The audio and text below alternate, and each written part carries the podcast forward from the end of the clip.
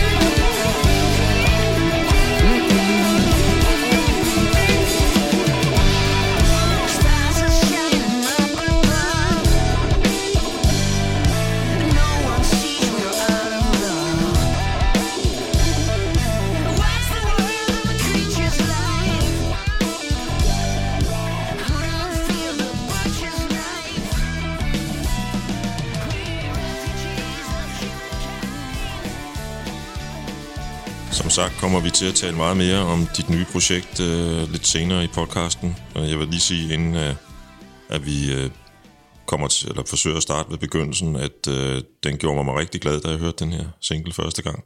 Nå, det er jeg sgu da glad for at høre. Øh, og glæder mig rigtig meget til at høre, om der måske kommer et helt album på et eller andet tidspunkt. Det skulle da gerne.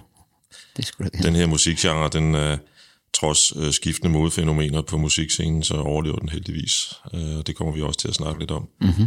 Øhm, jeg skal lige sige først, at øh, Joe nok i dag er mest kendt som øh, guitarist i Michael Hardinger Band. Øhm, de fleste ved jo nok, at øh, Hardinger var med til at starte Superdure en gang i, i den tattige istid.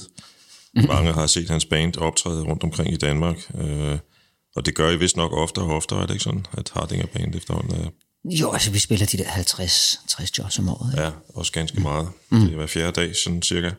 Eller lidt mere. Lidt mindre. Øhm, man kan sige, at jeres øh, band er det ene af de to Shubidurer, der findes i dag. Øh, I og med, at I stort set kun spiller Shubidur-nummer, så vidt jeg ved. Mm. Øh, Udover øh, Hardinger Band, øh, eller udover Hardinger, øh, i Hardinger Band, så er Kim Daggaard fra det origi- næsten originale Shubidua også med, og det er Jørgen Thorup, der jo også var med i Shubidua helt tilbage i, øh, i, i, i 90'erne, måske også helt tilbage i 80'erne, det kan jeg faktisk dårligt huske. Han er også med i Hardinger Band. Mm. Det andet Shubidua hedder Shubi or Not Shubi, og her er der øh, tre originale medlemmer, trommeslageren Bosse Hal Christensen, guitarist øh, Claus Asmussen, og så den oprindelige keyboardspiller, hvis navn jeg lige har glemt nu. Men øh, det var ham, der også var håndboldlandsholdets øh, fysioterapeut på et tidspunkt. Han Tage? Nå, Tage, han, Han var en anden. han var en anden. Han arbejdede i overvis i diverse velgørende organisationer. øh, Willy? Efter. Hed han det? Willy, ja, lige præcis. Der var den, ja. Jeg kender dem jo ikke, jeg har bare hørt deres navn. Så var det på plads. Mm. Øh, og man kan, man kan roligt sige, efter hvad jeg har hørt jer en enkelt gang på, på Smukfest, at øh, du, du gør det, du gør Wuffeli Vore noget mere larmende, end, øh, end jeg synes, jeg hørte den i, i det gamle band i sin tid. Mm, ja. Det kan jo være både godt og skidt. Ja, i det her tilfælde godt. Øhm, men først skal vi snakke lidt om, hvad det egentlig var, der skabte musikeren Joe Johansen. Øhm, og jeg kunne egentlig godt tænke mig at begynde med et nummer, og jeg tænker, at jeg nok ikke får nogen bedre lejlighed til at spille lige præcis det nummer, end, øh, end, end, end lige nu. Og det er nemlig Jimi Hendrix med øh, Hey Joe.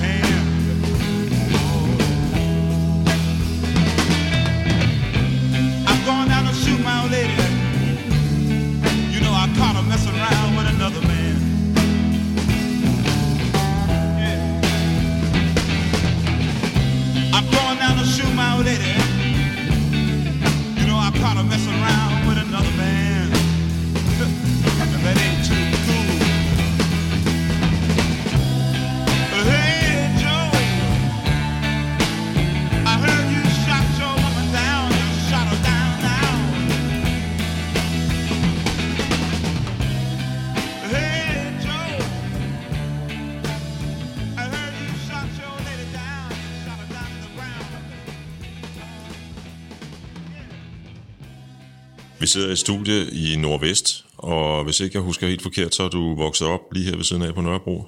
Ja, Nørrebro, ja. Ja. Hvordan øh, kom musikken til dig i sin tid? Jamen, den kom egentlig helt, øh, altså meget øh, snigende. Øh, og naturligt, kan man sige. Fordi, altså, jeg er jo vokset op med en, øh, hos en enlig mor, som var meget glad for musik. Hun var ikke øh, særlig øh, øh, musikalsk som sådan. Altså, hun kunne ikke spille, eller hun kunne ikke synge, eller hun havde faktisk ikke en tone i livet. Men hun havde en tone i hjertet, kan man sige. Altså, hun var meget begejstret for musik i alle mulige afskygninger, men specielt øh, rockmusik og meget af det danske. Altså øh, sådan noget som øh, Bifrost og Sebastian. Og, så dem er jeg simpelthen vokset op med og, og lytte til. Og så selvfølgelig Hendrix og alle de der 70'er ting. Ikke? Var du allerede tidligt klar over, at du skulle til at spille guitar? Ja, så hun, hun, øhm, hun var uddannet bundmager syrske, eller var i gang med det, da jeg blev født. Og da jeg så var omkring 6 år, der sadlede hun om, og så ville hun være øh, pædagog. Så hun startede på, på øh, seminaret. seminariet. Og der fik hun udleveret en guitar, så hun ligesom kunne lære at spille børnesange. Og det gik ikke så godt. Og så overtog jeg den. Ligesom. Så, øh, og, og måske lidt med sådan en følelse af, se så her, hvordan man gør. Eller et eller andet. Ja, Du ved. det kan man ikke udelukke jo. Nej. Og så, så lærte jeg mig nogle greb, og så lærte jeg, eller så begyndte jeg at skrive sange allerede der. Okay, allerede som sådan Som 6-7 år. 6-7 år, det er tidligt. Ja, ja. Altså det var sådan nogle sange, for eksempel Min ondulat var fløjet ud af vinduet, og, og var, så det var jeg heartbroken over, så skrev jeg ja. En sang, der handlede om det. Og det er jo en eksist- eksistentialisme for, for, for 6 år. Det der. Simpelthen, Ja. ja. Og så skete der det, altså undervejs, så, så øh, altså den første sang var i D-mol, tror jeg, og, og, og måske kun i D-mol. Og så lærte jeg en, øh, en A7 eller et eller andet. Og, og på den måde udviklede det sig ligesom, altså, så på en eller anden måde var det sangene. Altså efterhånden sangene var altid lidt sværere, end jeg kunne. de sange, jeg skrev. Ikke? De var altid sådan lidt... Jeg skulle øve mig for at kunne spille de sange, jeg skrev. Så på den måde er det sådan set sangene, der har lært mig at spille. Ja.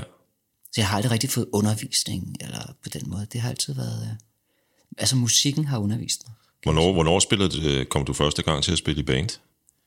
Jamen, så lavede jeg ret hurtigt et band med nogle af mine klassekammerater. Altså, og, og det var jo med, du ved, sådan nogle, hvad hed det der, vaskepulver, Ovo eller Avo eller sådan noget. Der var sådan nogle tønder, ligesom med et, øh, et, et, et altså med et par kilo vas- vaskepulver i sikkert, og så var der sådan en plastiklåg på. Det lød som en tromme. Mm. Så det var jo sådan den slags, ikke? Og så øh, sølvpapir på bagvæggen, ikke? Så lignede vi øh, The Walkers, eller Ja, det har jeg givetvis gjort, ja. nogle af de andre store Ja. bands, ikke? Eller Ja. ja. Gasoline. Ja, for pokker, ja. Ja. Var, var Frans et idol for dig på det tidspunkt? Jeg ved ikke, om han var et idol. Det var nok mere Kim Larsen, hvis, det, hvis man kunne snakke om det. Men det var mere dem, der var ikke sådan, jeg havde ikke sådan idoler på den måde. Det var mere sådan, øh, ja, det var mere musikken som sådan, altså helheden, ikke? Det der med et helt band. Jeg var ikke sådan fokuseret på gitarristen. Bare, altså, jeg kunne lige så godt lide øh, Søren Berlev, som sad og fyrede den af, ikke? Jeg kunne lige så godt lide øh, Kim Larsen, der sang de der fede tekster og vringede dem ud, ikke? Og, og alle de andre fede bands, ikke? Det var der, og der, der, der var jo allerede efter gasolin ligesom fik skabt øh, fænomenet dansk rock and roll band, øh, så kom der jo hurtigt andre til.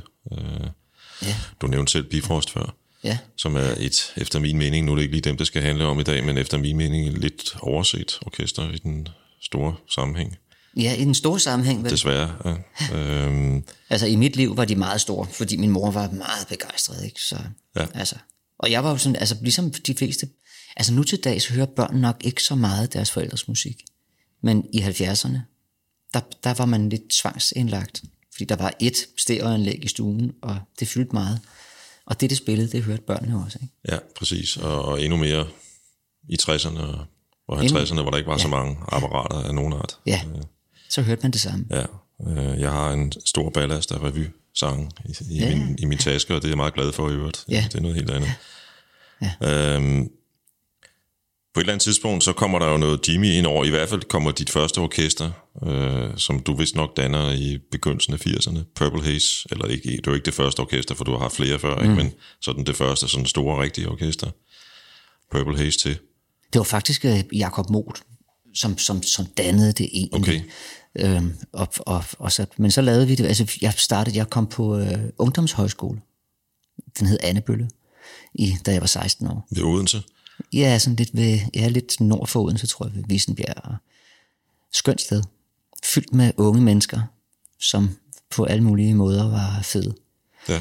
Og også nogle fede musikere. Altså der var også SP gik der også for eksempel, som spiller bas med, med Knacks og spillede med Thomas Helmi. Og, og så var der Mitch Mitcherman, Mitch, hvad hedder Mitch Fisherman.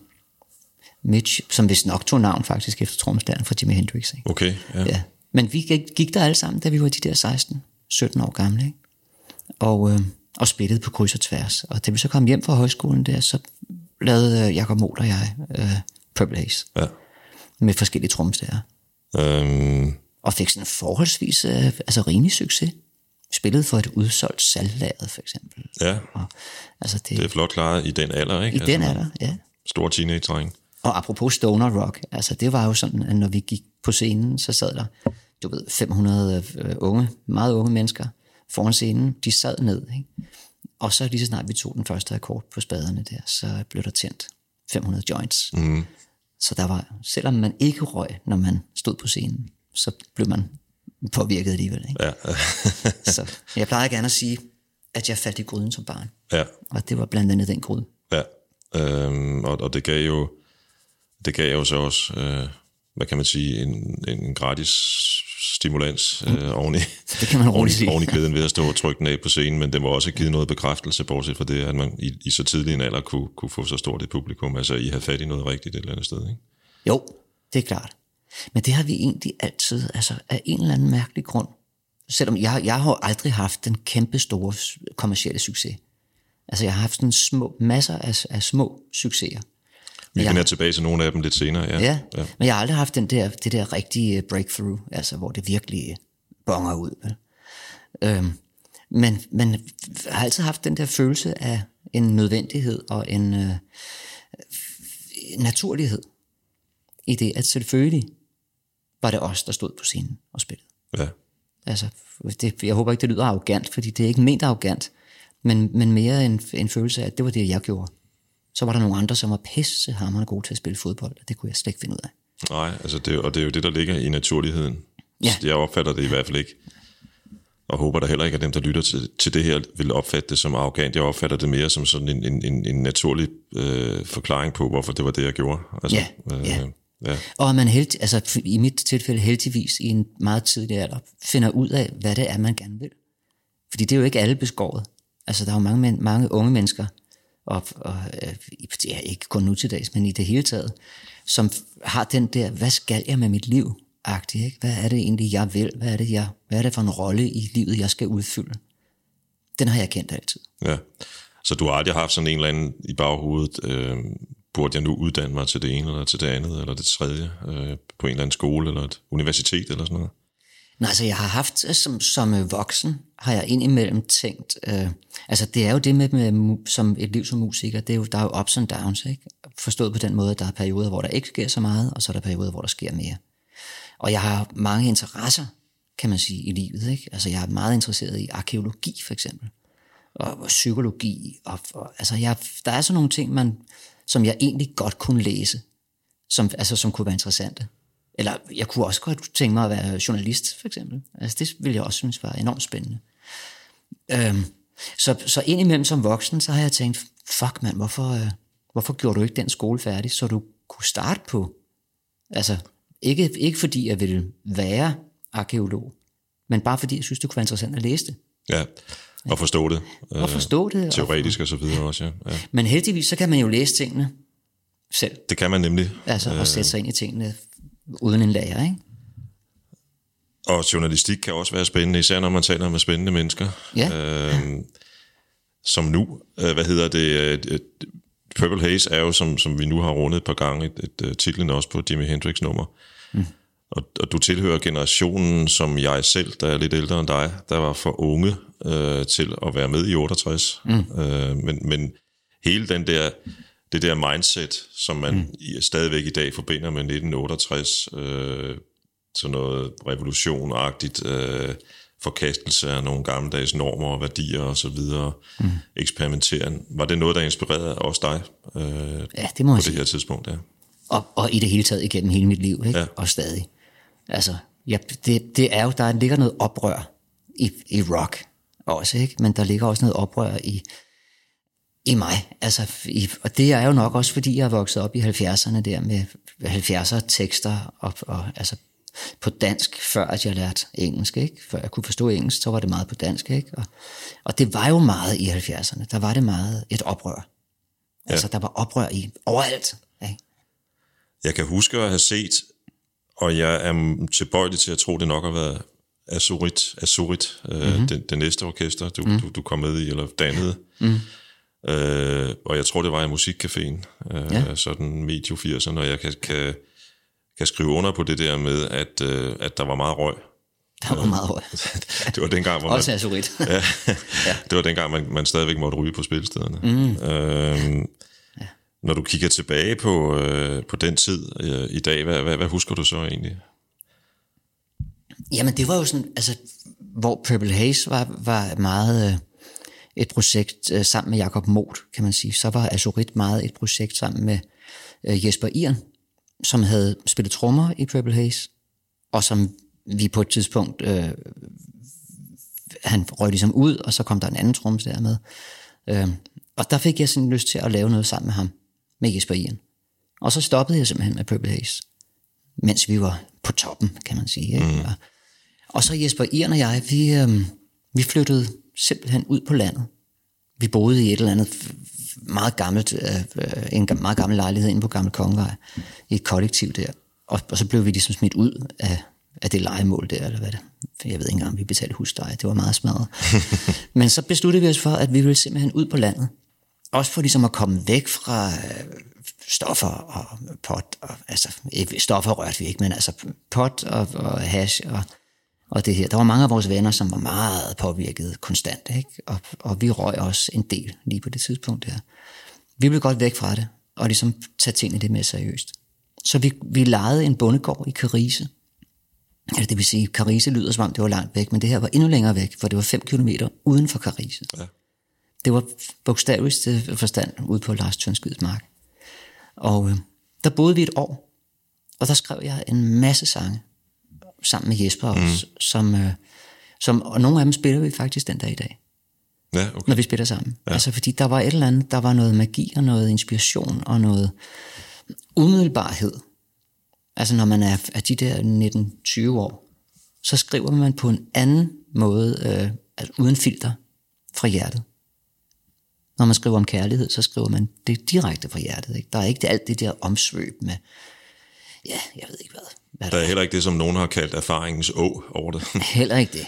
Lige præcis. Nej. Øhm, og, og, og der er jo også en eller anden, der, er- der er vel også en eller anden øh, nyhed i, i, i den der omskiftning fra, fra det miljø, I kom fra, mm. på Gamle Kongevej, tror jeg, det, Ja. ja. det var, du nævnte, ikke? Og så, og så derud, langt ud på landet, Ja. hvor I også ligesom forsager nogle ting, eller lægger nogle ting fra jer, og det giver vel også en eller anden renhed eller åbenhed, tænker jeg.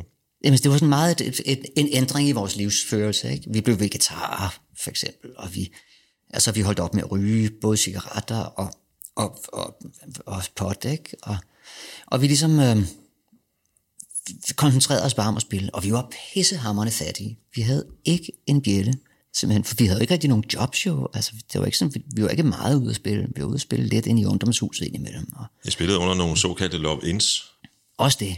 Ja. I har jeg læst, Ja, øh, i, i ungdomshuset også. Ja, ja. Og inde på Rådhuspladsen, det var sådan noget med, så var der nogle af arrangørerne, der smed alt tøjet og stod op på busstopstederne og svingede med plastiksvær, og politiet kom, og så kom man på forsiden af avisen dagen efter, ikke? Og, Ja.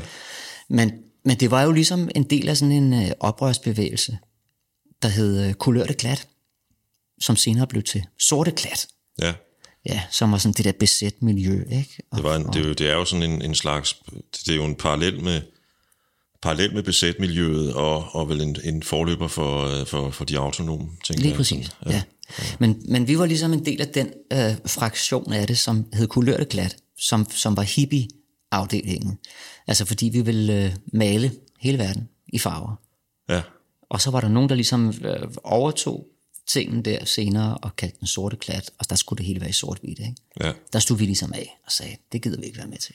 Vi synes, at kærlighed, ja altså, ja, og, og som vi, vi talte om for lidt siden, jo dybt funderet i, i hvad der skete i, i, øh, i slutningen af 60'erne også. Ikke? lige præcis. Og det er også derfor, man genbrugte, det går jeg ud fra, Ja. udtrykket love in. Lige præcis, ja. Øhm, Og det var Love Ins. Altså, det var, øh, meget, det var meget smukt. Altså, og det der med unge mennesker, det, det sådan har jeg da jo også i dag, når jeg ser øh, unge mennesker gøre noget. Altså bare et eller andet. Gør noget, du tror på, altså, og gør det i en bevægelse. Det rører mig altid i hjertet. ja, Vi, vi, vi vil forandre verden. Fedt, mand. Gør det. ja. Ja, Og det kan stadigvæk glæde dig at se, når, når, ja det kan det. når nogen indimellem prøver Ja. at bevæge noget et eller andet sted hen. Der har været en, i overvis har der for eksempel været en hiphop scene, der også har prøvet på det, ikke? Og, For eksempel, ja. ja.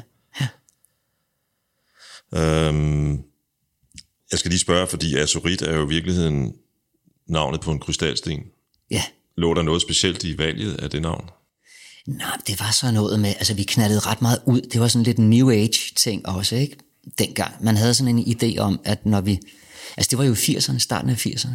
Så man havde en idé om, at, at sådan helt kosmisk set, at, at når vi nåede over øh, år 2000-grænsen, altså når vi gik ind i det nye årtusind, så ville vi se en helt ny verden, og Nostradamus, og alle mulige profetier og idéer. Og, og det forklarede man ligesom med, at man gik ind i vandmandens tidsalder. Det var sådan et astrologisk begreb, ikke? hvor det hele blev mere... The Age of Aquarius. Ja, lige præcis. Ja. At det hele blev meget mere spirituelt, ikke? Og, og, og øh, ja, og, og, og der tror jeg, at den der azuritsten, tror jeg, var en, jeg så i et magasin, øh, National Geographic eller et eller andet, hvor at, øh, og, så, og så læste jeg om den senere, at, at den var tilknyttet vandmanden eller et eller andet. Ja, ja, ja. Og så er jeg født i vandmanden, ikke? Og så der var lidt Der ego var over noget, det også. en logisk sammenhæng i det, Ja. yeah. set. Men det var sådan lidt udknaldet, ikke? Og ja. måske ikke helt defineret egentlig på det tidspunkt. Altså. Nej, det var ikke sådan ligefrem en, en, altså, hvad kan man sige, det var ikke ligefrem funderet på sådan en meget klar filosofisk øh, et eller andet grundlag, eller, eller Nej, måske alligevel. Det, jo, det følte vi jo på, i hvert fald ja, Ja, på det tidspunkt, ja. ikke? Men altså, hvor klar kan man være, når man er 18-19 år, ikke? Man, man kan være meget klar, og man, og, men se det i bagkundskabens lys, når man så sidder i min alder og kigger tilbage, så var det måske ikke så klart endda. Nej, jeg har ikke mange minder om klarhed i den alder. Det kan allerhøjst, når, til. allerhøjst, når jeg spillede fodbold, fordi, mm. fordi der var man nødt til at, at, at fokusere. Ja, Øhm, I 91, mener jeg, der dannede du så bandet, bandet Bijo. Mm. Øh, og jeg synes, vi skal høre et nummer fra jeres øh, første plade, som hedder Little Angel, inden vi taler videre om mm. det band.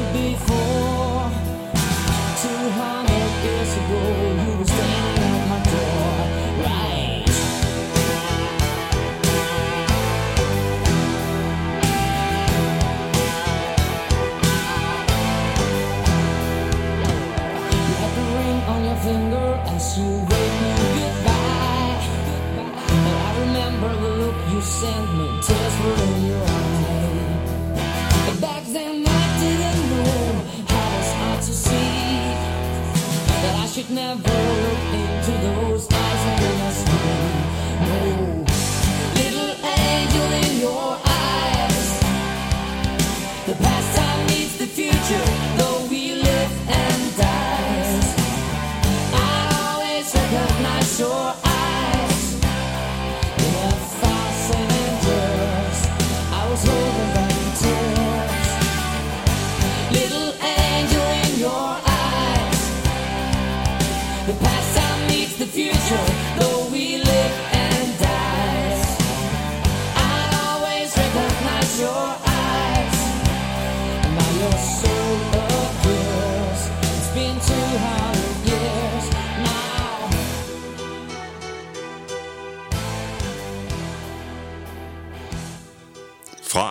at øh, du har spillet i et par bands, der måske nok har spillet sådan lidt mere syrock-agtig rock, mm. øh, så synes jeg jo, at jeg begynder at høre indflydelse fra øh, sådan noget som Toto, måske, yeah. i det her. Øh, så vi bevæger os måske over i en lidt mere sådan American øh, highway rock-stil, eller ja det er nok rigtigt, ja. hvordan vil du selv egentlig beskrive den transformation, der sker på det tidspunkt? Jamen, jeg tror bare, vi havde kæmpet i nogle år der, ikke? For at få en pladekontrakt, og det var ikke rigtig lykkedes, og vi ville jo gerne ud og spille, og vi ville jo gerne lave plader, og, og så tror jeg, vi blev lidt måske forledt, kan man sige, altså til, øh, at, at det blev lidt mere poppet, end, end, end det, der egentlig lå i vores hjerter. Altså, end det, vi egentlig følte for, ikke? Øhm, og det varede egentlig ved i, i de første plader der. Altså det var sådan lidt, vi gjorde noget, og det var sådan set, vi synes jo sådan set, det var fedt nok, og, og vi fik en, en, altså, en vis succes med det, så, og der var mange andre, der også synes det var fedt. Men dybest set, så, så var vi, og er vi, har, har vi stadigvæk det der, altså stoner rock, som du kaldte det, ikke? Der tror jeg, det er det, er det vi... Men, men altså sådan nummer som det her Little Angel, som jeg jo ikke har hørt i mange år, som der er sikkert heller ikke nogen mange andre, der har hørt det i mange år. Men det sjove har. er... Nå, okay. Men, men det er jo sådan, altså det er jo lidt sådan lidt Toto-agtigt måske, men teksten, teksten handler jo om reinkarnation og, og altså gammel kærlighed fra en, et tidligere liv, og som man møder igen. Og, så på den måde tekstmæssigt var vi stadigvæk udknaldet, ikke? At du havde stadigvæk øh, de der sådan lidt spirit- spirituelle interesser. Ja, det er præcis. Ja, og, Ja. Dem, og det kommer vi lidt tilbage til senere i forbindelse mm. med din bog, mm. Korsvejen. Ja. Øhm, desværre fortæller historien om jeres første album en ret arketypisk rock and roll historie, øh, fordi den nåede dårligt nok at udkomme. Er det ikke rigtigt? Jo, altså vi, vi, øh, vi lavede den selv, vi finansierede den selv. Den kostede 300.000 eller sådan noget, som vi fik ind på at spille jobs, ikke? Og, og, øh, og så fik vi den trygt på LP, var det jo dengang. Det var sådan lige i den periode der, hvor at der var begyndt at komme CD'er, så vi sådan overvejede, skal den være på CD eller LP. Og jeg havde kun en LP-pladespiller derhjemme, så jeg var helt, helt stærk på, at det skulle være på LP. Ikke? Men så udkom den på et pladeselskab, der hed Elektra, som ikke var det store amerikanske Elektra, men som var et dansk. Øh, og med nogle øh, fuskere, altså som, som selvom de sådan set godt vidste, det var sådan mit første rigtige møde med fuskerne i branchen. Ikke? De der mennesker, de vidste sådan set godt, at de var i gang med at gå konkurs. Og alligevel så sagde de, hey fedt, I er fede, vi vil gerne skrive kontrakt med jer, og I skal udsendes på vores selskab. Så jeg tror et par dage efter, at pladen var udkommet. Den nåede lige at udkomme og, og få noget presse og så videre, ikke? Øhm, og kom i radioen. Og, men et par dage efter, så gik de konkurs. Og så blev alle pladerne indefrosset i boet. Og så brugte vi ellers et års tid eller sådan noget på at, øh, at prøve at få dem fri og prøve at komme fri af den kontrakt der. Og, så pladen kunne blive udsendt. Ikke? I mellemtiden så stod pladen på et, øh, et pladeselskab. Jeg kan ikke engang huske, hvad det hed inde på Nørrebrogade. Mm. Et andet pladeselskab. Der stod den sådan her lænet op ad væggen. Øhm, Indefrosset, som du siger. Ja, men, men af en eller anden grund, jeg ved ikke rigtig hvad, men så, så, var der, så kom der en fyr fra Luxembourg, en, øh, sådan en plademand dernede fra, kom forbi og havde et møde med de her folk om noget dansmusik, tror jeg faktisk, noget helt andet. Og så fortalte de mig bagefter, og så fik han øje på den der plade, LP-plade, der stod sådan lænet op ad væggen der, og så sagde han til ham, han skulle holde møde med det, hvad er det for noget, det der? Ah, det er bare noget lort, han så sagt. Det, ah, men øh, han synes, at det så meget spændende ud. Og så så havde ham den anden der sagt, jamen værsgo, tag den. Mm. Så havde han taget den. Og så mødte han op, så spillede vi på Lades Kætter, som var sådan vores faste sted der. Der spillede vi om aftenen. Så mødte han op derinde, kom ind ad døren, stor i slaget, og lignede en rigtig, øh, ja, prototypen på sådan en pladeselskabsmand. Mm. Så kom han ind, så sagde han, øh, jeg vil gerne give jer en pladekontrakt. Nå, sagde vi så. Tag nu en øl og sæt dig ned, og så hør noget musik, og lad være med at lukke alt det lort ud. Ikke? Mm. Vi var vant til, at folk de kom og var lidt halvfulde og mm. sagde alt muligt. Og så sagde han, det er sgu rigtigt. Altså, den er god nok. Og, og øhm, jeg kommer fra Luxembourg, og jeg vil have jer derned og indspille i et studie dernede. Og ja, ja, sagde jeg så. Ikke? Så sagde han, men jeg bor over på Sheraton Hotellet der, så hvis du lige kommer derover forbi i morgen eftermiddag, så skal jeg sørge for, at der ligger fire billetter. Flybilletter til jer. Ikke? Okay. Ja, ja, sagde jeg så, det er godt. Og så boede jeg, jeg boede på Vesterbro på det tidspunkt der. Og jeg troede faktisk overhovedet ikke på, hvad han sagde. Altså jeg tænkte, det er simpelthen noget fusk. Men så dagen efter gik jeg tur med min, jeg havde en hund dengang, gik jeg tur med Rufus, som han hed. Og så kom jeg lige forbi Sheraton. Og så tænkte jeg, jeg går sgu da lige det ind, bare lige at høre. Så lå der fire førsteklasses billetter til uh, Luxembourg. Så et par dage efter fløj vi derned og blev indlogeret på et kæmpe luksushotel og blev hentet i limousine i lufthavnen. Mm. Og det, helt, det var det helt store. Mm. Kæmpe stor i slaget var han. Og øh, så indspillede vi en plade med ham. I øh, blandt andet Sweet Silence med Flemming Rasmussen. Og, øh, som, Meget, meget legendarisk dansk producer, ja, øh, som, som jo blandt andet har produceret Metallica, som vi tidligere har været inde på ja, nemlig. i podcasten. Ja. Øh, det album, der udkommer, er det det, der hedder Ready to, det, det var Ready to Ride, ikke? Det var det, ja. Ja. Øh, inden vi snakker videre om det, som jo faktisk giver jer en vis succes, mm-hmm. så synes jeg, vi skal høre Don't Wanna Lose You. Ja.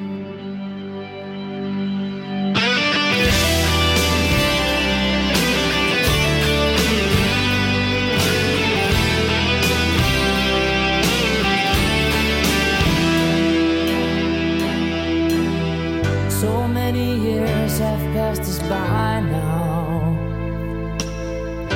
Some were good and some were tough. You got your suitcase in your hand now. You say you're ready to take off. I guess it's time to say goodbye now. There's just a little left to say. just take care, you're on your own now. Let me hear from you someday. Cause I always love you.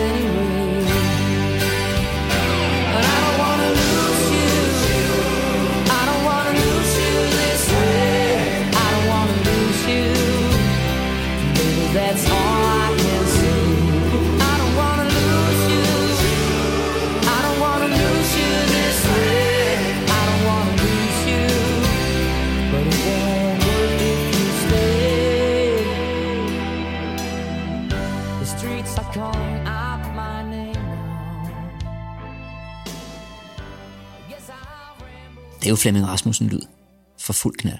Det må man sige. Det kan ikke blive stort nok. Det kan ikke blive stort nok og godt for det, fordi man kan jo rigtig høre din guitar. Det kan man. Øh, den ligger helt fremme. Ja, han kunne godt lide guitar, Flemming. det er jo dejligt. Han er en dejlig mand, og en dygtig mand. Ja, og heldigvis stadigvæk aktiv. Mm. Øh, øh, jeg har, har lige set for nylig på Facebook, at han er i gang med at lave noget med, den, med det danske band Shotgun Revolution, som jo også er et mm.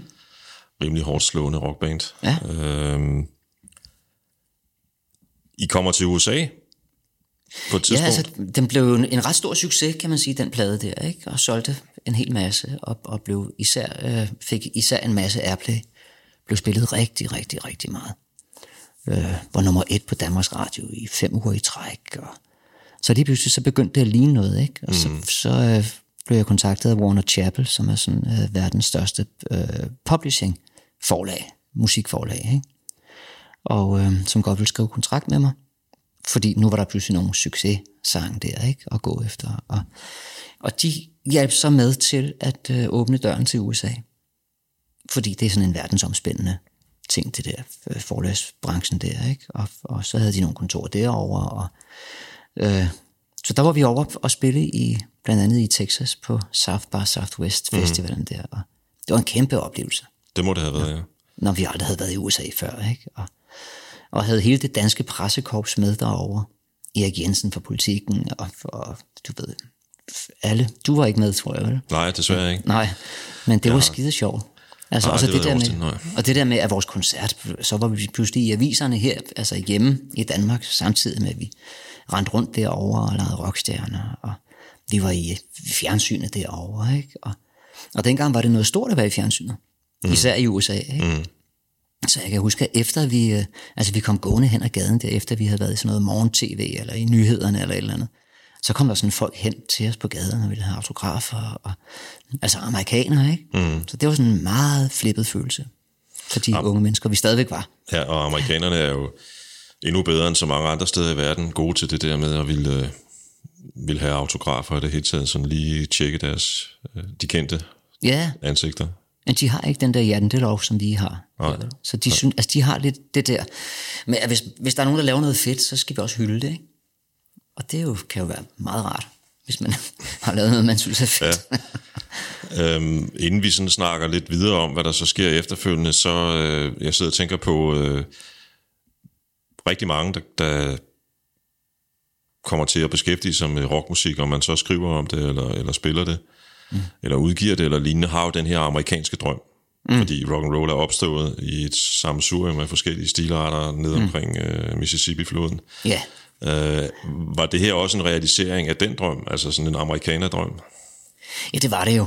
Altså det, det, og, og, og specielt og så med Texas også, ikke? Og, altså, fordi det er også meget altså, vævet ind i den der cowboy øh, ting der. Altså, da jeg var barn, der var jeg jo hernede på, på Nørrebros runddel i, hvad fanden hed den, Colosseum, eller hvad hed den, biograf, og du ved, på cowboyrækkerne sad man der og så cowboyfilm, og følte sig ligesom John Wayne, når man gik ud, ikke? Og, Ja. og de der storladende landskaber der, var jeg jo helt pjattet med, ikke? Så, så det der med pludselig at være, altså at gå rundt i øh, en by i USA, som lignede noget fra en film, ikke? Altså alt i USA, for os danskere, der er alt i USA ligner jo noget i en film. Jeg, jeg, jeg plejer at sige, at, at når jeg, nu har jeg heldigvis været i USA en del gange, ikke? Mm. Øh, for mig er det ligesom at stige ind i en scene i en film, lige meget hvad fanden jeg gør, når jeg går derovre. Altså, Fuldstændig. Og det påvirker en også, ikke? Så man sådan opfører sig sådan lidt film øh, skuespilleragtigt også, ikke? At man tager et eller andet på. Øh, så, så det var en kæmpe oplevelse for bandet. Og, og, og heldigvis var det med altså, stor succes. Så det var en, en, altså der var en stor glæde forbundet med det, ikke? Sådan en følelse af måske sådan lidt, endelig ser de os. Mm. Endelig får vi den anerkendelse, vi Ja. synes, vi har fortjent? Ja. Eller agtigt. Så det var på mange måder en åbenbaring. Hvad Og jeg- skete der så efterfølgende? Jamen, så skete der det, at ham pladeselskabet, manden fra Luxembourg der, som jeg nævnte før, viste sig at være endnu en fusker. Så han øh, oparbejdede en, i det år, han, han var i Danmark, oparbejdede han en kæmpe gæld. Altså, vi, vi, vi indspillede video i Hollywood, for eksempel, til et af numrene på pladen der, og vi, altså, det var meget store armbevægelser, det hele, ikke? Øhm, og lige pludselig, nærmest fra den ene dag til den anden, øhm, og mens vi havde, et, øh, altså, havde hits i radioen, lige pludselig fra den ene dag til den anden, så var han væk. Og han havde åbnet et kontor inde på Nørrebrogade, hvor jeg sådan kom jævnligt, ikke? og du ved, mødtes med journalister og lavede interviews, og, ja. og bare sådan snakkede presse, og, og hvad vi skulle, og det ene og det andet. Og så sad der pludselig en grædende sekretær derinde, en dag, da jeg kom derind, som ikke havde fået løn, og, og, og, og var helt desperat og sagde, hvad sker der, hvad foregår der? Og jeg sagde, jeg ved da ikke, hvad der foregår. Og så var han væk, og han kom ikke igen. Og det var bare sådan et, altså det, et knips. Og lige pludselig så stod vi og skulle forklare alle mulige mennesker, at, at den gæld, han havde oparbejdet, at det var jo ham, der havde oparbejdet den. At det var jo ikke os. Altså, så, så lige pludselig var der folk, der... Fordi når der sådan står en masse kreditorer, som har en masse penge til gode et eller andet sted, og, og ham manden, som skylder dem de penge, han er væk, så vil man jo gerne kunne pinpointe en eller anden. Mm. Altså, jeg tror heller aldrig Flemming Rasmussen, jeg ved ikke, om han nogensinde fik sin løn for den plade der. Uh, så det var sådan en meget mærkelig antiklimaks. Mm. Endte det så med, at du og de andre i bandet måtte betale alle de mange kreditorer? Der måtte... Nej, det kunne, fordi, for det første så kunne vi jo ikke. Altså, Nej. det var jo millioner, ikke? Øhm, og for det andet så skulle vi jo heller ikke. Altså, det var jo ikke os. Vi, det var os, der var på forsiden af, af pladecoveret, men, men det var jo ikke os, der havde bestilt det. Altså, så det var et pladeselskab, ikke? Mm-hmm. Så det var, en, en, det var en mærkelig tid. Men så fik vi ligesom øh, ved hjælp af, altså igennem Warner Chappell igen, øh, åbnet op til Tyskland, hvor at, øh, der var så var et tysk pladeselskab, øh, som overtog øh, pladen faktisk, og, og genudsendte den i Tyskland, og øh, solgte en masse plader dernede også, og, og vi kom på, på turné med, vi lavede en lang tur med Slate, mine gamle Nørrebro-helte, Ja, for pokker, ja. ja, Som stadigvæk var et rimelig godt band på det tidspunkt. ja, som var ret fede, ja. ja. Og det var en stor oplevelse for mig, fordi jeg var, ligesom jeg var Gasoline-fan, var jeg Slate-fan i sin tid, ikke? Var Noddy gået ud på det tidspunkt? Ja, det var han desværre. Det var han, ja. ja. ja. Det er ikke helt det samme så, men Det var ikke helt det samme, men, Anyway. men guitaristen og tromslæren var ja, de er, som stadigvæk i øvrigt Ja. er med i Slate. Ja, sandsynligvis, ja. Jamen, det er de, ja. Ja. Og, ja. ja det, var, det var en stor oplevelse. Så der var vi rundt en hel måned dernede sammen med dem, ikke? Og vi prøvede for første gang at, at bo i en nightliner, sådan en bus, man kunne sove i. Og Ja, det var rigtig rock and roll liv, ikke? ja igen, øh, jeg skulle lige til at sige det, opfyldelsen af en rock and roll Ja, drøm, vision. ja. Og så det med at være i...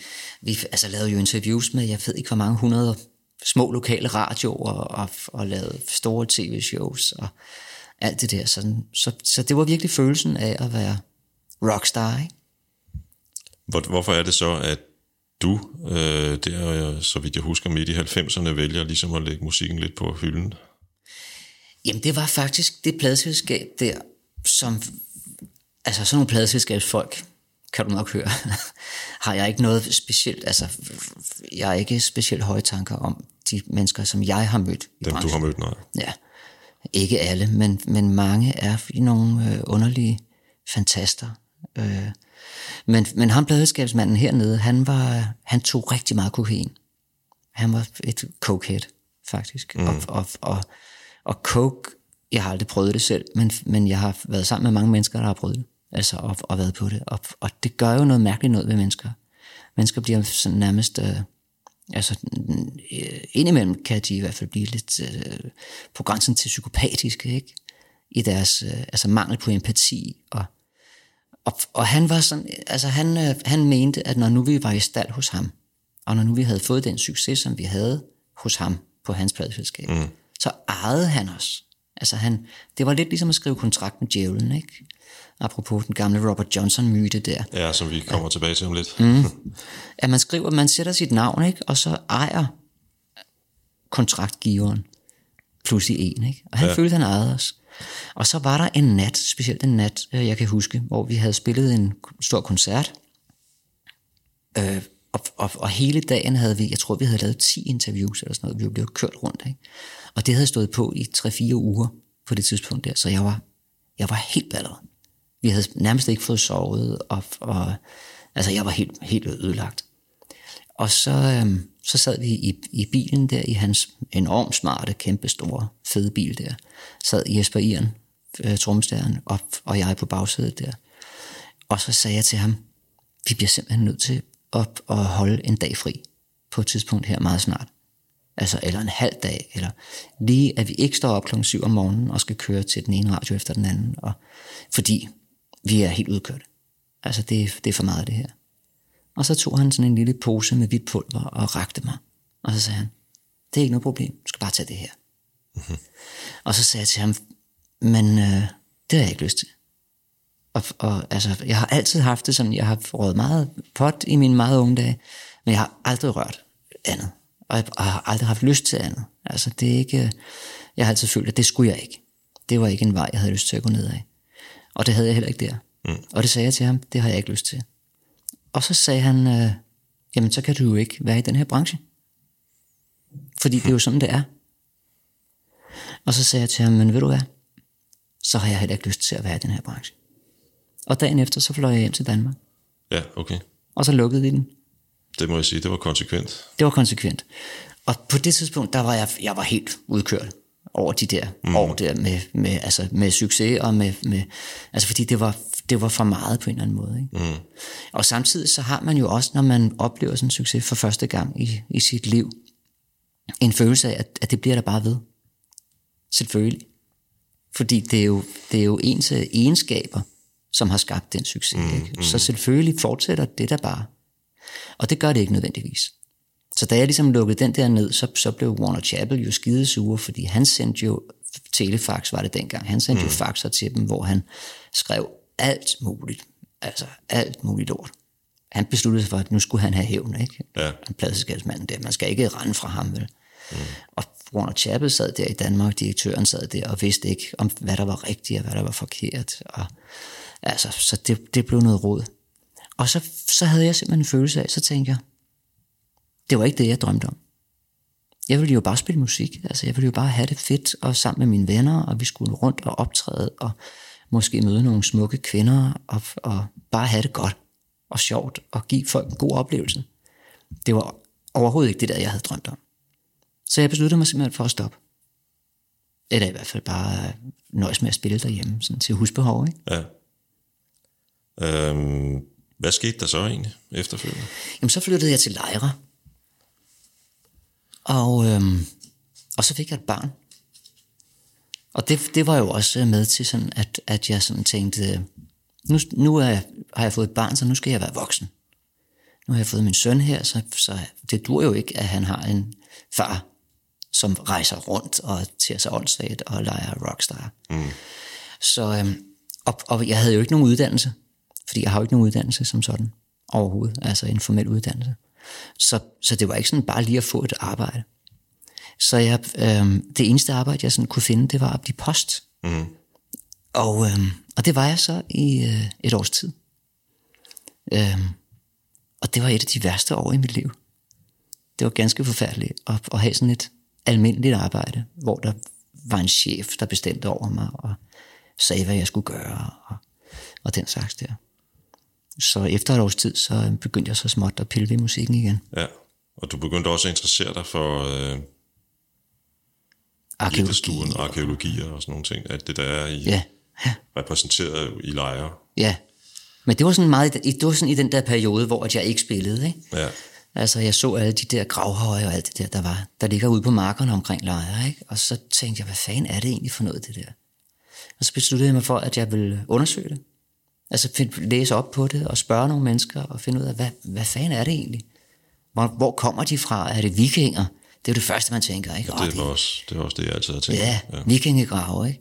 Og, og, og så fandt jeg ud af, at, at det var det ikke.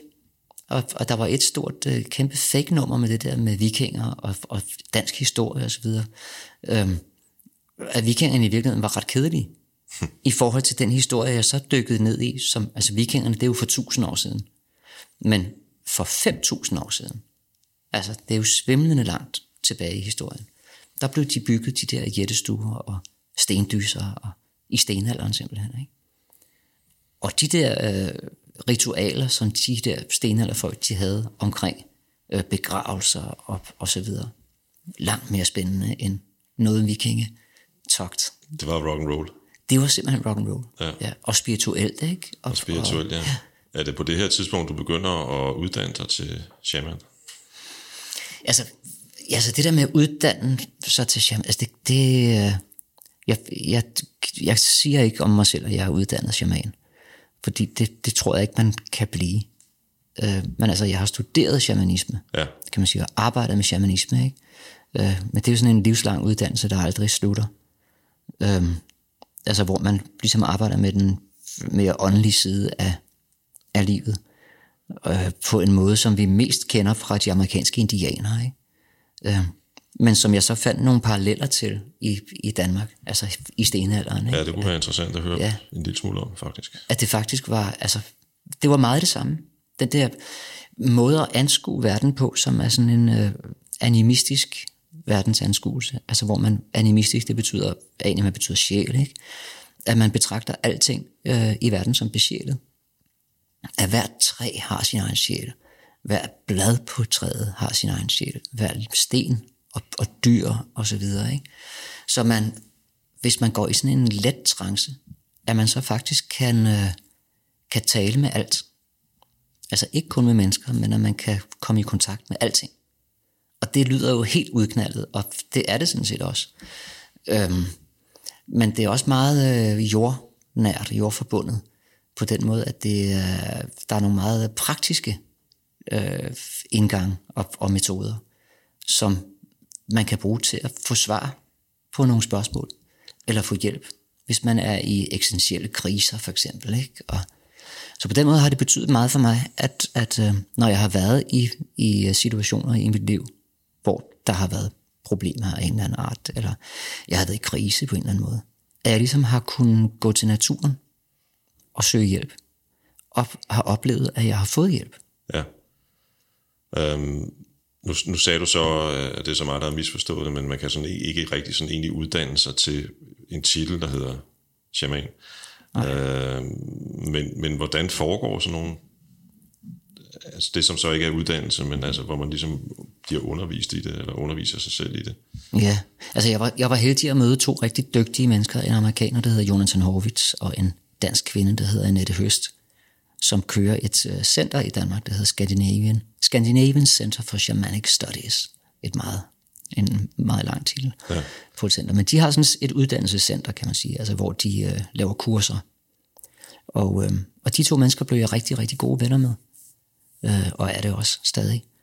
Og øh, så jeg deltog i nogle kurser, og så ret hurtigt øh, fandt jeg og de ud af, at jeg havde sådan en god øh, flair for det, kan man sige. Så jeg begyndte at undervise sammen med dem, og endte med at undervise sammen med dem i, i en periode på 10 år, inden jeg begyndte at spille for alvor igen Ja. rigtig meget, og så ikke havde tid til det mere. Ikke? For jeg- alvor vende tilbage til, til gitaren, ja. eller den har formentlig aldrig forladt dig, men øh, Den har ikke forladt mig, men jeg begyndte pludselig at turnere rigtig meget igen. Ja, ikke? sammen med Harding. Så var jeg væk i weekender. og- og, og, stadigvæk, som, som sagt i begyndelsen også, stadigvæk øh, kom, kom du jo også ind i, i Mojo og Ja, ja, ja, og det har jeg lavede, gjort. skiller, mens det hed det. Øhm, Men rent praktisk, nu spurgte du lige, hvordan det foregår. Ikke? Ja. Og det foregår ved, ved, at man for eksempel bruger en tromme eller en raste, og så skaber man sådan en meget monoton lyd. Altså sådan en, en tromme, der, der spiller kedeligt, der bare spiller du, du, du, du, du, du, du i lang tid. Og så gør man det for at komme ind i den her lette trance. Der er ikke nogen stoffer eller noget involveret. Man gør det, at man lytter til de her trommeslager. Og på et tidspunkt, så sker der noget inde i hjernen, så man, altså den der monotoni gør, at man kan komme ind i sådan en let trance. Og på et tidspunkt hører man ikke trommeslagene mere. Der, der bliver der bare øh, stillhed. Og det er jo sådan nærmest meditation, ikke? at man når ind i meditationens kerne, eller den meditative øh, ting der, hvor at, at verden ophører med at eksistere. At der er bare helt stille. Verden er sat i stå, som Carlos Castaneda kalder det i Don Juans lære.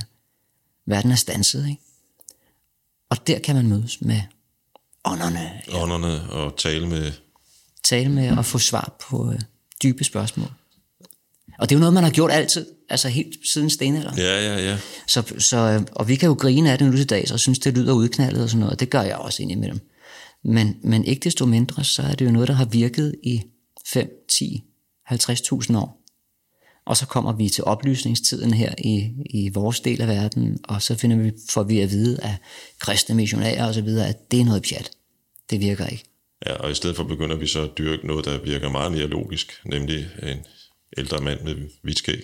Ja, og en, og en ung rebel fra Mellemøsten. Og en ung rebel fra, fra Mellemøsten, ja.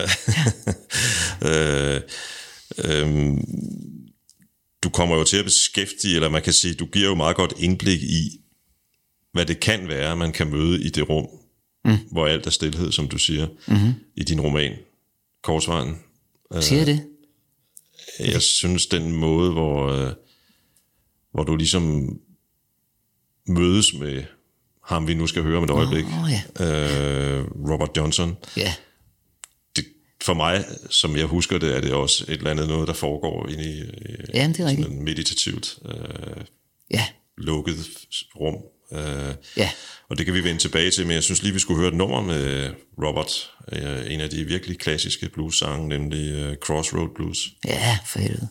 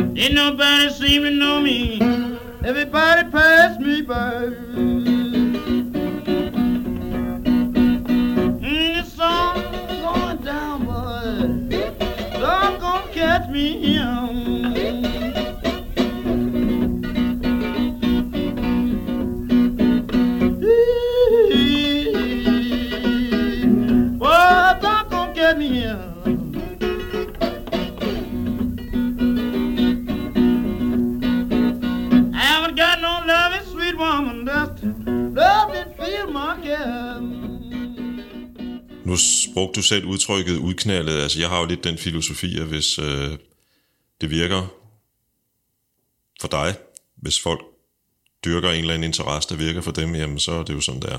Det, Whatever works. ja, præcis. Ikke? Så længe det ikke er, er nazisme eller andre lignende øh, Ja. politiske øh, Ja. bevægelser, vi snakker om, så whatever. Ja, og så længe det ikke bliver, altså, øh, bliver til religion, ikke? Mm. Altså, det er jo der, den ofte går galt, og det er jo, altså de fleste religioner har jo sådan en mysteriekerne. Altså, en eller anden er gået ud i ørkenen og har sat sig ned og mediteret, og så, eller op på et bjerg, som Moses for eksempel, ikke? Stået der og mediteret og fået en vision og, og nogle bud. Så kommer han ned fra bjerget. Men hvad skal man sige, fra et shamanistisk synspunkt, der vil man sige, at, at Moses, at de der øh, bud, han fik, de galt ham. Det var gode råd, han havde fået. De gælder ikke alle andre. Men lige så snart man kommer ned fra bjerget og siger, nu skal I høre alle sammen. Jeg har fundet sandheden. Så bliver det til en religion, så bliver det til dogmer. Og de passer ikke nødvendigvis på alle mennesker. Altså jeg tror, alle mennesker har hver deres sandhed. Og selvfølgelig er der nogle universelle ting, ikke? Det er måske meget smart det her med, at man ikke må slå ihjel, og man ikke må... Jeg skulle lige til at sige det, men det er jo nok nogle ting, der er opstået på hans tid, lige så meget ud fra nogle praktiske, øh, hvad kan man sige, erfarings, et, et praktisk erfaringsgrundlag, summen af, hvad man sådan har oplevet, Ja. ikke er specielt godt, hvis man skal være mennesker, der skal fungere sammen i et samfund. Så som at man ikke må slå ihjel eller, Ja, eller, ja. eller, eller stjæle fra... Der er selvfølgelig sådan nogle grundlæggende værdier, ikke? Ja. Men altså, men stadigvæk, at Jesus går ud i ørkenen og sidder derude, og så kommer der en slange og frister ham og siger alt muligt til ham. Og, altså, det er jo hans vision. Den gælder ham. Ikke? Det er, og han kom jo også ned eller ind til byen der, og, og så fulgte folk ham, og, og så siger han på et tidspunkt også, eller flere gange, det jeg har gjort, det kan I også gøre. Altså, det er jo den sandhed, det er jo bare den sandhed, jeg har fundet. Find jeres egen sandhed. Robert Johnson, som vi lige hørte, han er jo med til at skabe en, øh, en sandhed, som, hvad skal man sige, nu er i min, min, øh, mit forhold til rock and roll, at findes der ikke øh, dogmer eller fundamentalisme, modsat så mange andre, der dyrker rock and roll, tror jeg. Mm-hmm. Fordi en af de ting, jeg heller ikke bryder mig om ved religion, er, at den meget ofte så ender de mennesker, der dyrker den, med at definere sig i, i modsætning til noget andet, mm. i stedet for ligesom at måske interessere sig for, hvad det egentlig er, man, man selv tror på. Ikke? Jo, det er rigtigt. Øhm, og den, den øh, religion i, i mange situationstegn, jeg taler om, det er selvfølgelig rock and roll. Mm-hmm. Øh, og, og du beskriver faktisk på et tidspunkt en roman, mm-hmm. øh, hvor du opsøger figuren i romanen, som jo nok er lige dig, tænker jeg, mm-hmm. opsøger Roberts grav Ja, øh, i, i, øh, i øh, jeg kan ikke helt huske, hvilken stat det er i øvrigt. Ja, det er nede ved Mississippi det, Delta. er, der. det er Mississippi Delta, ja. Ja. Kan du fortælle os lidt om, hvad det, hvad det går ud på? Jamen, jeg havde jo læst om, øh, om en mojo, altså en mojo, sådan en amulet, som øh, de gamle bluesmusikere var meget, øh, øh, snakkede meget om, ikke? Det her med, at hvis man havde sådan en mojo, sådan en amulet der, så kunne man spille helt fantastisk. Og så besluttede jeg mig for at tage til, til Mississippi og undersøge nogle af de der gamle bluesmyter der. Der er jo myten om Robert Johnson, det er jo, at han gik ud til en korsvej midt om natten, som han også sang om før det, ikke? Men han gik ud til den her korsvej, og så satte han sig der og spillede. Så kom djævlen kørende forbi i en bil, stansede op. Robert rakte ham sin guitar, og djævlen han stemte gitaren for ham. Og så rakte djævlen, øh, hvad hedder det, gitaren tilbage til Robert Johnson. Og lige pludselig, fra at have været sådan en ung knægt, der ikke kunne spille guitar, så kunne Robert Johnson lige pludselig spille guitar. Det er myten, ikke? Mm. Historien der, som også er baseret på noget gammelt Faust og noget alt muligt, ikke? Men, men øh, Robert Johnson havde så også en mojo. Og den øh, besluttede jeg mig for, eller figuren i romanen, der besluttede sig for at tage ned til Mississippi og finde den mojo. Eller i hvert fald en tilsvarende mojo. Sådan så figuren i romanen Bijo kunne komme hjem til Danmark og spille helt fantastisk. Uden at behøve at øve sig særlig meget. Særlig meget ikke? ja. Så det er sådan uh, historien kort fortalt. Ja, kort fortalt, ja. Ja. Og, og, og den virker jo på figuren, skråstrej video, mojoen, Den virkede meget godt, ja. bliver Et stykke hen ad vejen i hvert fald, ikke? et stykke hen ad vejen, men så opstår der øh, en af de der mange dødssynder, der findes, øh, lidt begærlighed i, øh, i, i video, som så rejser tilbage, fordi han tænker, at man kan måske masseproducere det her. Ja, hvorfor ikke? Sælge den til alle sine musikervenner, så ja, de alle sammen kan spille fedt. Så kan de spille fedt og, og måske ja. komme ud og stå på lidt større scener, mm. større scener end, end, end, øh, end dem, de er vant til på Ja. ja. i, små caféer og sådan noget rundt omkring. Øhm, Så ham figuren, han sidder pludselig nede ved Robert Johnsons grav og, og samler jord op. Altså fordi der er jo den der idé om sådan en øh, grav. Ja, når folk de bliver begravet, så bliver de jo lagt langt ned i jorden. Men på et tidspunkt går de jo i opløsning og bliver til en del af jorden. Ikke? Af jord er du kommet, til jord skal du blive. Så bliver det jo til den jord, som er på graven. Og, og man ved jo sådan, altså det har jeg da i hvert fald hørt fra landmænd og sådan noget, at hver, hvert forår så samler de sten på marken. Fordi alting, det, det kommer op. ja, jorden bevæger sig. Ja, så jeg tænkte, at hvis Robert Johnson han var død for 70-80 år siden, så den jord, der lå oppe i overfladen af hans grav, det var jo ham. Det var Robert Johnson selv, altså hans krop. Mm. Jeg tænkte, hvis man kunne få den her jord i sin mojo, så ville man have den mest powerful mojo i hele verden. Så jeg tog derned med en ordentlig plastikpose og fyldte jord i den. og figuren i historien, ikke? Jeg har jo pyntet op og, Ja, der er pyntet lidt. det hele, ikke? Men, Ja, ja. men trods alt har du oplevet noget af det selv også. Jeg har oplevet noget af det selv. Det hele bygger sådan på, på, på rigtige hændelser, ikke? som jeg bare har pyntet på, Ja. kan man sige. Men figuren bliver så pludselig meget syg i Danmark. Og, og hvad hedder det, i syg i hjertet, og skal opereres, og der sker en hel masse der. Og det, det oplevede du jo også selv. Det oplevede jeg faktisk også selv, ja. Og, og tager så en shamanistisk rejse, og bliver mødt af Robert Johnson selv, Robert Johnsons genfærd, mm. som er rasende, og siger, det var ikke en aftale, vi har jo ikke, du har ikke byttet med mig, du har bare været og stjæle min jord fra kirkegården. Det var ikke, og, og i, i gammel tradition skulle man ligesom bytte med et eller andet, ikke? Øhm, så af omveje, så ender det med, at jorden den bliver stedt til hvile igen på mm. en god kirkegård. Assistenskirkegård faktisk. Lige. Ja, det er lige rundt om hjørnet. Ja. Så, så, øhm, så jeg endte faktisk med at tage det over og, og begrave jorden. Så det er de færreste, der ved. Altså de fleste ved jo, at H.C. Andersen og H.C. Ørsted og en masse af de andre kirkegård, en masse af de gamle gutter, de ligger begravet på assistenskirkegården. Men det er de færreste, der ved, at Robert Johnson faktisk også, eller i hvert fald en del af ham, ligger derovre. Det er der nok ikke ret mange, der ved. Nej, men Det er der ikke så mange, der ved. Det ved vi så nu. Ja, Øh, og alt sammen så, så beskrevet i bogen, jo. ja, og der, stod, der, og det kan jeg faktisk ikke huske, men står der også be, be, beskrevet, hvor man på kirkegården kan finde ham. Nej, fordi, og, det er jo, og det, er jo, altså, det er jo bygger jo på rigtige historier, ikke? som jeg som sagt har pyntet på. Men, men en del af den rigtige historie er lidt udknaldet, fordi øh, jeg kørte faktisk øh, rundt på assistenskirkegården. Jeg havde haft sådan en vision om en bestemt gravsten, som jeg ikke anede, hvor var, men som jeg bare havde set i sådan et syn. Ikke? At en meget høj, sort gravsten. Det var der, at, hans, at han ligesom skulle begraves. Ikke?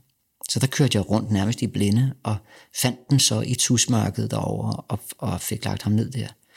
Og glemte så, altså kørte så derfra sådan lidt i effekt, sådan lidt i halvtrance. Glemte så fuldstændig, hvor det var. Mm. Øh, og så et par år efter, jeg bor jo på Nørrebro, så jeg kommer ofte på assistenskirkegården. Et par år efter, så kom jeg tilfældigvis forbi, den ligger sådan lidt inde i et buskads, og er sådan lidt glemt og lidt forsømt, den grav. Så fik jeg pludselig øje på den grav. Jeg tænkte, hvad fanden, der er den sgu da? Og så gik jeg hen til den, fordi jeg tænkte, jeg havde aldrig rigtig studeret den så meget. Og det var ret udknaldet, fordi øh, så tænkte jeg, nu vil jeg læse, hvad, der, hvad står der egentlig på den? Hvem ligger her egentlig? Og der stod et eller andet. Jeg kan ikke huske, hvad det var, helt almindeligt. Men så stod der et par gamle gravsten op af den her store gravsten. Altså lænet op af, ikke? som ikke var meget større end LP-plader. Øhm, med, med skriften ind imod. Altså som fordi de havde vel været bange for, at de skulle vælte eller et eller andet, så de havde stillet dem der. Og så kiggede jeg på en af dem, hvad der egentlig stod. Og så stod der Robert jo, Robert øh, Jonsen. Og tænkte jeg, det var fandme mærkeligt. Det var eddermame mærkeligt. Og den, den er derovre nu, så jeg ved, hvor den er. Og, og der står simpelthen Robert Jonsen. Og det er jo en udmærket fordanskning af Robert Johnson. Det må man sige, det er meget tæt op af. Det lyder faktisk næsten så øh, langt ud, så det lyder usandsynligt. Men, øh, Ja, når jeg skal vise dig den en dag. Ja, det, det, det, det, ja. det og så, så tager vi et billede, og så lægger vi det ud her på Mediano Musics øh, site, så folk kan se det rigtigt. Skal vi gøre det? Jeg, gør jeg kan køre for, når jeg kører herfra, kører jeg lige igennem assistent, så kører jeg sgu lige forbi og tager et billede af den. Det er sådan, vi gør det. Ja, Det er sådan, vi gør det, ja. Øhm, jeg var faktisk ret glad for den bog. Men det er selvfølgelig, øh, eller ikke selvfølgelig, men, men øh, handler jo blandt andet om, at jeg selv har den der fascination af, mm. af, af, af rockmusikkens oprindelse.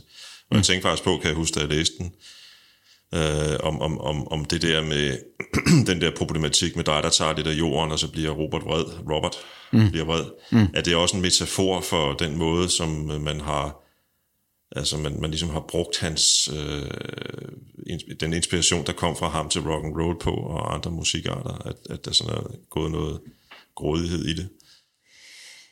altså det er jo lidt den gode gamle historie der, ikke? Med at, at øh, altså Robert, han, han var jo en fattig, fattig omrejsende musiker. Partymusiker, vil man vel kalde ham nu til dags, ikke? Altså han spillede til fester i weekenden, og, og havde til dagen og vejen, og noget at drikke, og det var ligesom det. Mm. Øhm, og at der så skulle, efter hans død, skulle blive spundet så meget profit på ham, kan man sige, og han skulle danne skole og for, altså Led Zeppelin og, og Rolling Stones og alle de her, som kom til at, at blive mange milliardærer på hans musik faktisk. Ikke?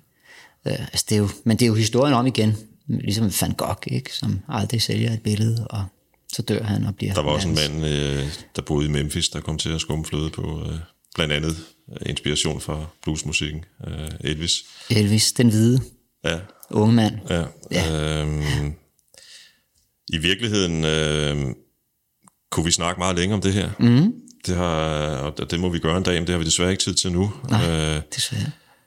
Så øh, nu spørger jeg dig, øh, eller stiller dig det sådan lidt logiske spørgsmål, synes jeg selv. Øh, Hvis jeg havde sagt til dig, øh, dengang du stod i saltlaget sammen med Purple Haze, at du ville komme til at spille guitar i et Shubidua-orkester, hvad havde du så sagt dengang, tror du?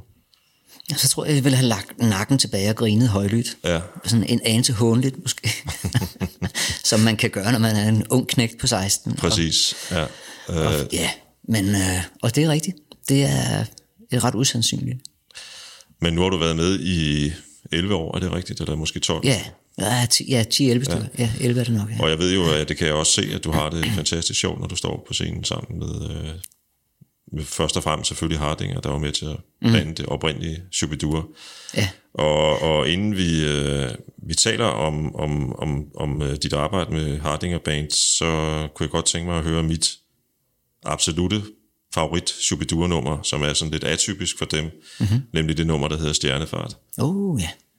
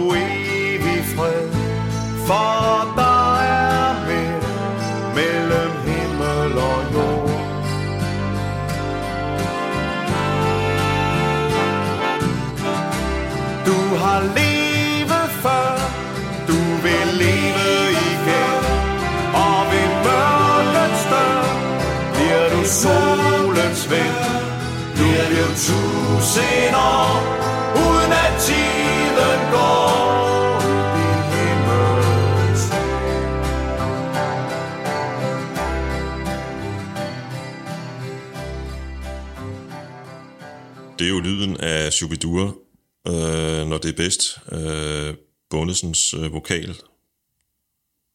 Fantastisk flot, synes jeg. Ja, og det er en smuk sang. smuk sang, fed, fed tekst, og, og, og så også det her kor. Ja. Bassisten Kim Daggaard spiller en stor rolle, så vidt jeg ved i hvert fald. Og stadig gør. Og stadig han er gør. jo en fantastisk, altså han er en fa- helt fantastisk bassist. Men også en helt fantastisk sanger. Og, Og du fortalte mig faktisk, mens vi hørte nummeret, at I stadigvæk spiller det med Hardinger Band. ja, det gør vi indimellem. Som sådan ekstra, ekstra nummer, ikke? Når vi har været helt oppe og ringe, og den ligesom ikke kan komme højere op. Så for ligesom at dæmpe gemytterne, og lade folk gå hjem med noget smukt Ja. også. Ja. Du er jo den rette til at spørge, øh, fordi nu var der en musical om Shubidua for, for, for nogle få år siden, som blev en kæmpe succes. Jeg tror, den solgte op i nærheden af 100.000, og måske flere, flere billetter også. Ja. Og du kommer så rundt og, og, og spiller musikken og møder folk. Hvad er det egentlig ved Shubidua sang, der stadigvæk øh, dur i 2019? Altså, det er jo, de er jo godt spillet, altså, og godt arrangeret og godt skrevet. Og så har de jo det der, den der finurlighed i teksterne, ikke? som har ramt ind i den danske folkesjæl. Og måske både ramt ind i den, men også har været med til at definere den, kan man sige. Ikke? Og øh, så de, de er sådan, øh, altså de er jo tidløse. Og sådan et nummer som Den Røde Tråd, som Hardinger har skrevet, det, øh, det er jo et nummer, som, som altså alle kan relatere sig på en eller anden måde. Og samtidig er det syng, syng medbart, ikke? Og, mm. og smukt og, og lyder godt for tiden også, ikke? nogle gange, når man har, jeg har prøvet at interviewe øh, de her Shubidua-folk en, en del gange efterhånden, og nogle gange har de sådan et lidt, sådan lidt selvironisk forhold til, til, til deres betydning. Mm. Øhm, men jeg tror der rent faktisk sådan en sang, jeg da tydeligt, tydeligt huske, at sådan en sang som Valborg havde en betydning i forhold til sådan nogle ting med, øh, med øh, altså på det tidspunkt var der faktisk en valg, der turnerede rundt i Danmark, udstoppet, øh, og blev vist frem til skoleelever. Ja. Altså i forhold til sådan noget nat, nat, natur, dyrevelfærd og sådan nogle ting, der, der kan den sang sagtens så har, har spillet en ret stor rolle, ligesom at, øh, at forskellige andre orkester har haft en betydning i forhold til atomkraft øh, Ja, ja. og lukningen af Barsebæk og sådan nogle ting. Der tror jeg ikke, at Shubidua nødvendigvis skal underspille deres rolle.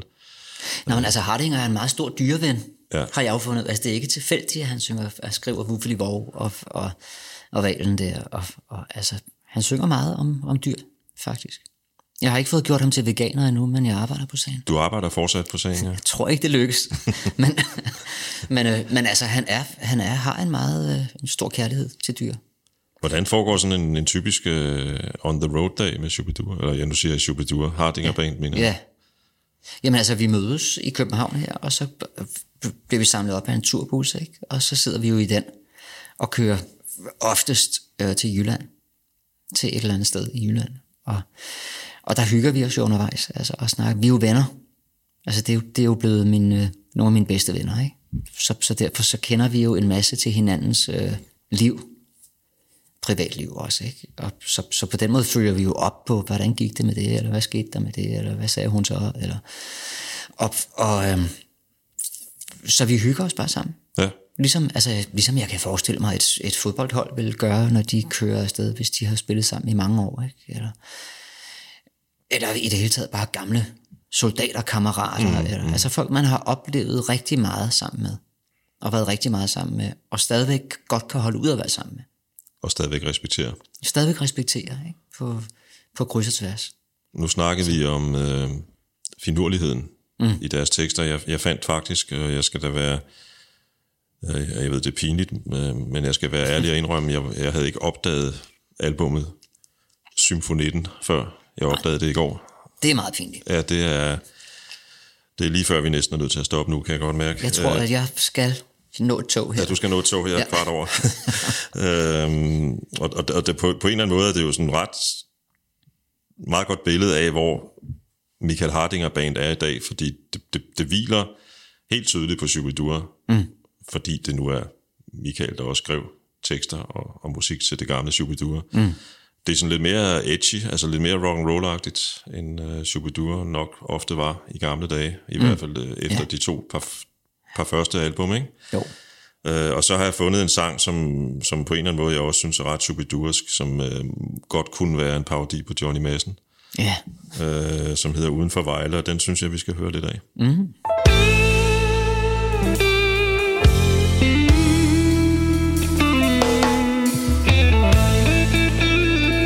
kan ikke finde teksten. Den, den er der. Ja, det er den. Uden for Vejle. Okay. Jeg er klar. Det er godt.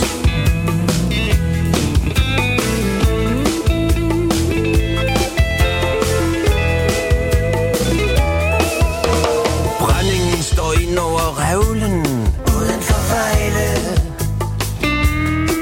At det var Nordenfjord, som mågerne skreg.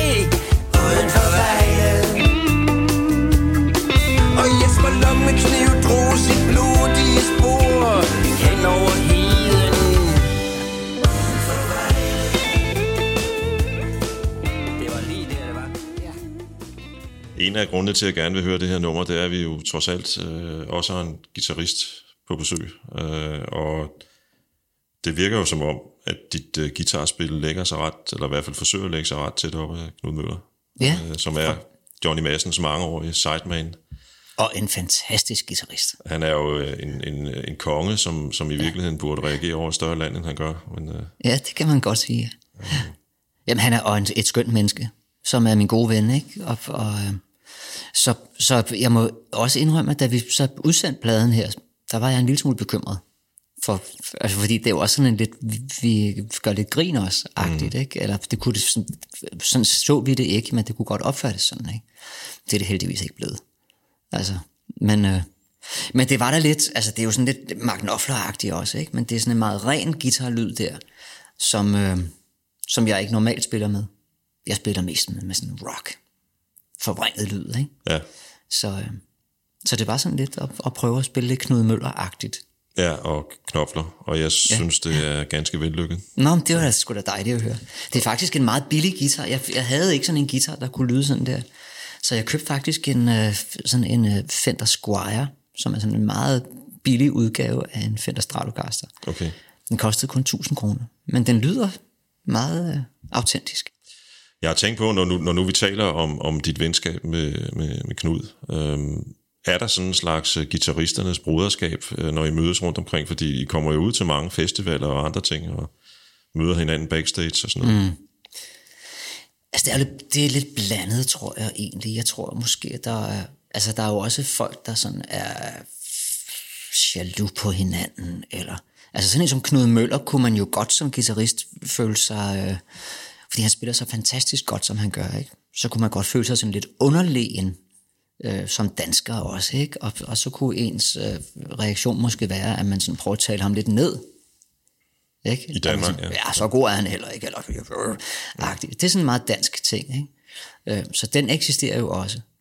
Men altså, jeg har det helt personligt sådan, at, at, at jeg kan enormt godt lide musik. Alt muligt forskellige slags musik. Øhm, så at komme ud og møde de her forskellige, øh, rigtig dygtige musikere, det er en stor oplevelse for mig. Mm. Og så er jeg samtidig også øhm, egentlig øh, i meget i kontakt med, med det barn, som jeg var, dengang jeg fik en guitar i hånden for første gang, da jeg var 6 år gammel. Og, og det barn jubler ind imellem, når jeg hører noget fantastisk, eller når jeg møder nogle stjerner, altså i gåseøjne stjerner, når jeg møder nogle mennesker, som, som, som det der, den der lille dreng fra Nørrebro, han slet ikke ville tro på, at han nogensinde skulle få lov at, give hånd. Ikke? Hvad kunne det være, for eksempel? Jamen, det kunne, være, det kunne for eksempel være sådan som Knud, ikke? Altså, at, at, øh, at øh, jamen, bare følelsen der af, at, at, øh, at dele rum med en legende, Mm. øh, er, er, ja, det, det, det, kan, det, kan, det kan få det der lille barn inde i mig til at juble. Ja, Og det synes jeg, man skal have lov til. Altså, man skal give det lov. Man skal, man skal give det plads. og det skal man lige præcis, og man skal ikke være så bange for, at nogen kigger på en og siger, at det måske var det barnligt, eller, eller at det, det bliver meget for, sådan for meget sådan name-dropping-agtigt, eller et eller andet i den retning, fordi Nej, det er jo de mennesker, der har været med til at definere en meget stor del af ens liv. Altså, lige præcis. Øh, og inspirere. og inspirere og alt muligt andet, ja. og stadigvæk gør det. Ikke? Altså, Har du mødt Johnny Madsen efter det her nummer? ja, det tror jeg. Altså, øh, vi møder ham jo en gang imellem. Altså, så spiller vi jo dobbeltkoncerter, hvor de spiller, og vi spiller. Og jeg kan ikke lige huske, om vi har mødt ham efter det her nummer. Nej, det er også Nej. det er Men, ikke så øh, vigtigt. så jeg ved ikke hvad, præcis, hvad han synes om det. Faktisk. Ja, når nu er jeg inde i nørdeafdelingen, og det er vi jo med de her podcasts, mm. så glæder det mig nogle gange, når jeg ser, at, øh, at øh, Hardinger, og nu talte vi om Bifrost tidligere, mm. Øh, den gamle ankermand i Bifrost, Tom Lundin, og jeg nogle mm. gange ser, at de to sidder og skriver sammen på Facebook, fordi Ja. Shubidua lavede jo en parodi på Bifrost i rene mudder. Som, Var- var det en parodi? Ja, som drak for frit af vanvidsvin, som, øh, Nå, nej, som Bifrost synger i en af deres sange. Ikke? Det er rigtigt. Så det glæder jo mit gamle hjerte at se, at, øh, at Ja. man sagtens skal sidde og have det sjovt, selvom man har lavet Ja. en lille parodi der. Han er jo også en fed fyr og en legende i sig selv, som ja, Lundin. Absolut. Altså, øh, så, så, og, og især måske i mit liv, altså fordi at min mor var så pjattet med Bifrost. Ja, og så var der jo også den der interesse for, for spiritualitet i, øh, i Bifrost ja. også, og i øvrigt også for nogle af de der sådan gamle nordiske ting og sådan noget. Ja, så er det. Øhm, inden vi runder af, så skal vi selvfølgelig også snakke om Polar Bear. Mm. Øh, hvordan er ideen til det orkester egentlig opstået? Jamen, det er jo min gamle ven, en rigtig gammel ven fra Azurit-dagene der, Jesper Iren, som er trommeslager, og som, øh, som har haft en eller anden spirituel oplevelse på et tidspunkt, jeg ved ikke, på Hawaii eller et eller andet. Han var gift med en, en popstjerne for nogle år siden, øh, og, og de endte pludselig med at blive mange, mange, mange millionærer. Så han rejste rundt og, og, øh, og fik blandt andet lavet sådan nogle stammetatoveringer. Øhm, og der fik han, øh, jeg kan ikke helt huske præcis historien, men der fik han i hvert fald sit, sit spirituelle navn der, Polar Bear. Så det har han som tatoveret over hele ryggen, og Han er et fantastisk menneske, og, og et fantastisk menneske i mit liv, fordi han er min rigtig gode ven, men han er også en uh, inspirator og en indpisker, øhm, og han elsker guitar. Så han er altid den, når jeg arbejder sammen med ham, så kan guitaren ikke blive høj nok. Mm. Øhm, så, så han, øh, han sætter sit rigtig tunge øh, aftryk på den plade, vi er i gang med at lave her nu. Og øh, hvad er, kan man sige, drømmen med det orkester?